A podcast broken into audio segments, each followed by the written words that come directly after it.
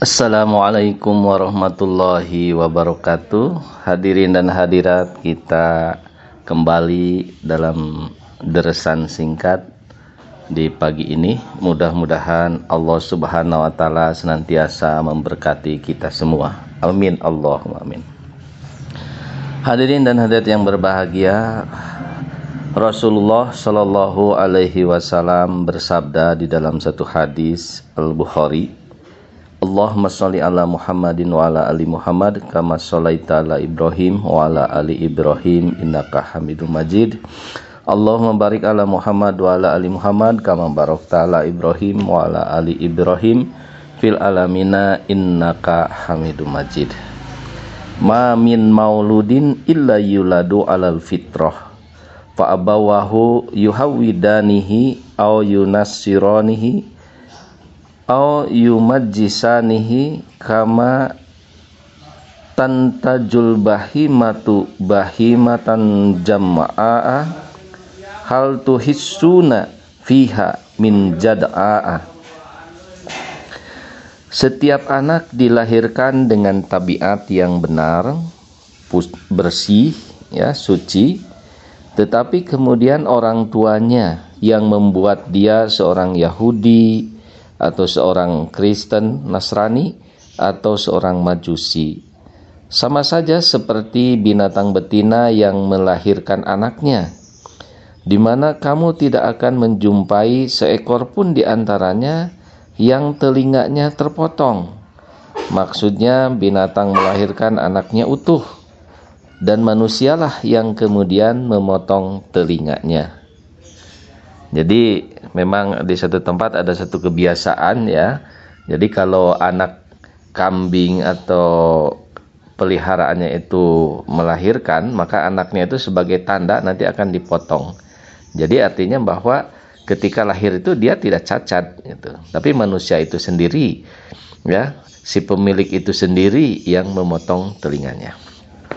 Nah, hadirin yang berbahagia, kalau kita perhatikan di masa sekarang ini banyak sekali ya godaan-godaan untuk anak kita bahkan untuk kita sendiri ya. Tidak kalah eh, dengan godaan-godaan itu ya. Tidak sedikit orang tua yang duduk manis dengan HP-nya main game dan segala-galanya lah itu ya zaman sekarang. Tidak mau ketinggalan zaman. Nah jadi untuk generasi sekarang dan mendatang ini ini ada di pundak kita, ada dalam tanggung jawab kita. Kebanyakan di antara orang tua merasa bangga punya anak-anaknya. Tetapi kebanggaan itu tidak disyukuri menjadi suatu pelajaran khususnya bagi dirinya saja gitu. Dia orang tuanya Luar biasa keaktifan di dalam jemaat, pemahaman terhadap jemaat, pemahaman tentang akidah yang dia yakini sangat luar biasa. Tetapi tadi kebanggaan terhadap anak itu kadang-kadang salah dalam menerapkannya. Jadi menjadi satu kebanggaan ketika anak itu menjadi sarjana, menjadi insinyur, menjadi dokter dan sebagainya. Itu sebenarnya tidak salah tetapi mungkin boleh dikatakan ada kekurangan. Karena yang menjadi pondasi utama dasar itu yang harus diperhatikan oleh kita adalah masalah agama. Ya. Jadi itu yang banyak dilupakan sehingga akhirnya generasi kita menjadi lemah. Tidak tahu tentang Islam, Islam itu hanya tahu ya agama pegangan dan dalam pelaksanaannya pun hanya tidak jauh dari formalitas saja gitu. Karena kebiasaan mamanya, ibunya, bapaknya suka melakukan sholat lima kali sehari gitu kan. Kemudian anaknya ikut-ikutan. Tetapi tidak diberikan pemahaman yang lebih dalam dijadikan satu kebanggaan kita sebagai umat Islam, sebagai orang yang beragama Islam, agama yang diridhoi oleh Allah Subhanahu wa taala, ya.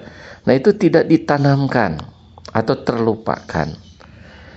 Kita sebagai warga jemaat Ahmadiyah yang sudah beat kepada Imam Mahdi, Hadat Isa al-Masih Mau'ud yang dijanjikan itu menjadi suatu kebanggaan dan rasa syukur bagi kita. Tetapi kadang-kadang kita lupa menyampaikan, menasihatkan kepada anak-anak kita. Anak-anak kita dibiarkan begitu saja, mencari begitu saja, akhirnya tidak sedikit orang tuanya menjadi tokoh, orang tuanya orang yang sangat alim, orang tuanya yang banyak pengetahuan di dalam hal keagamaan atau keahmadiyahan tetapi anak-anaknya sama sekali tidak tahu apa-apa. Bahkan mereka dibiarkan memilih sendiri dengan dasar dengan dalih bahwa biarlah mereka berpikir sendiri, biarlah mereka diberikan kebebasan untuk memilih sendiri. Jadi rasanya sih benar gitu.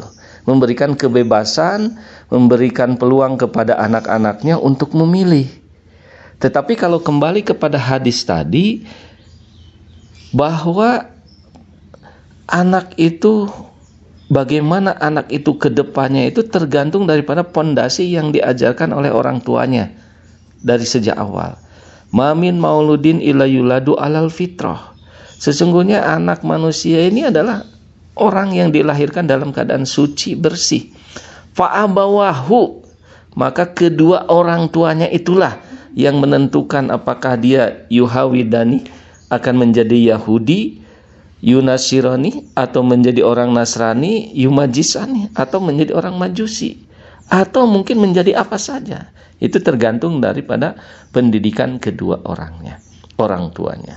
Nah, hadirin yang berbahagia, saya ingin sama-sama eh menyampaikan baik untuk saya sendiri dan saya juga masih banyak kelemahan di dalam hal mendidik anak-anak itu memang tidak mudah dan juga sama-sama mengingatkan eh, kepada Bapak Ibu semuanya mari kita sama-sama memperhatikan kembali dalam hal kerohanian anak-anak kita bangga sebagai orang yang beragama Islam bangga kita sebagai orang jemaat yang sudah beat kepada seorang yang dijanjikan oleh Nabi Muhammad Shallallahu Alaihi Wasallam kedatangannya. Nabi Muhammad sampai memerintahkan supaya kita beat kepada Hazrat Imam Mahdi alaihissalam kepada Isa al-Masih jika ia datang. Kita sudah beat. Tinggal bagaimana kita melaksanakan ajaran-ajarannya dan bagaimana kita menanamkan kepada generasi kita sehingga generasi kita menjadi generasi yang tangguh juga nanti di masa mendatang.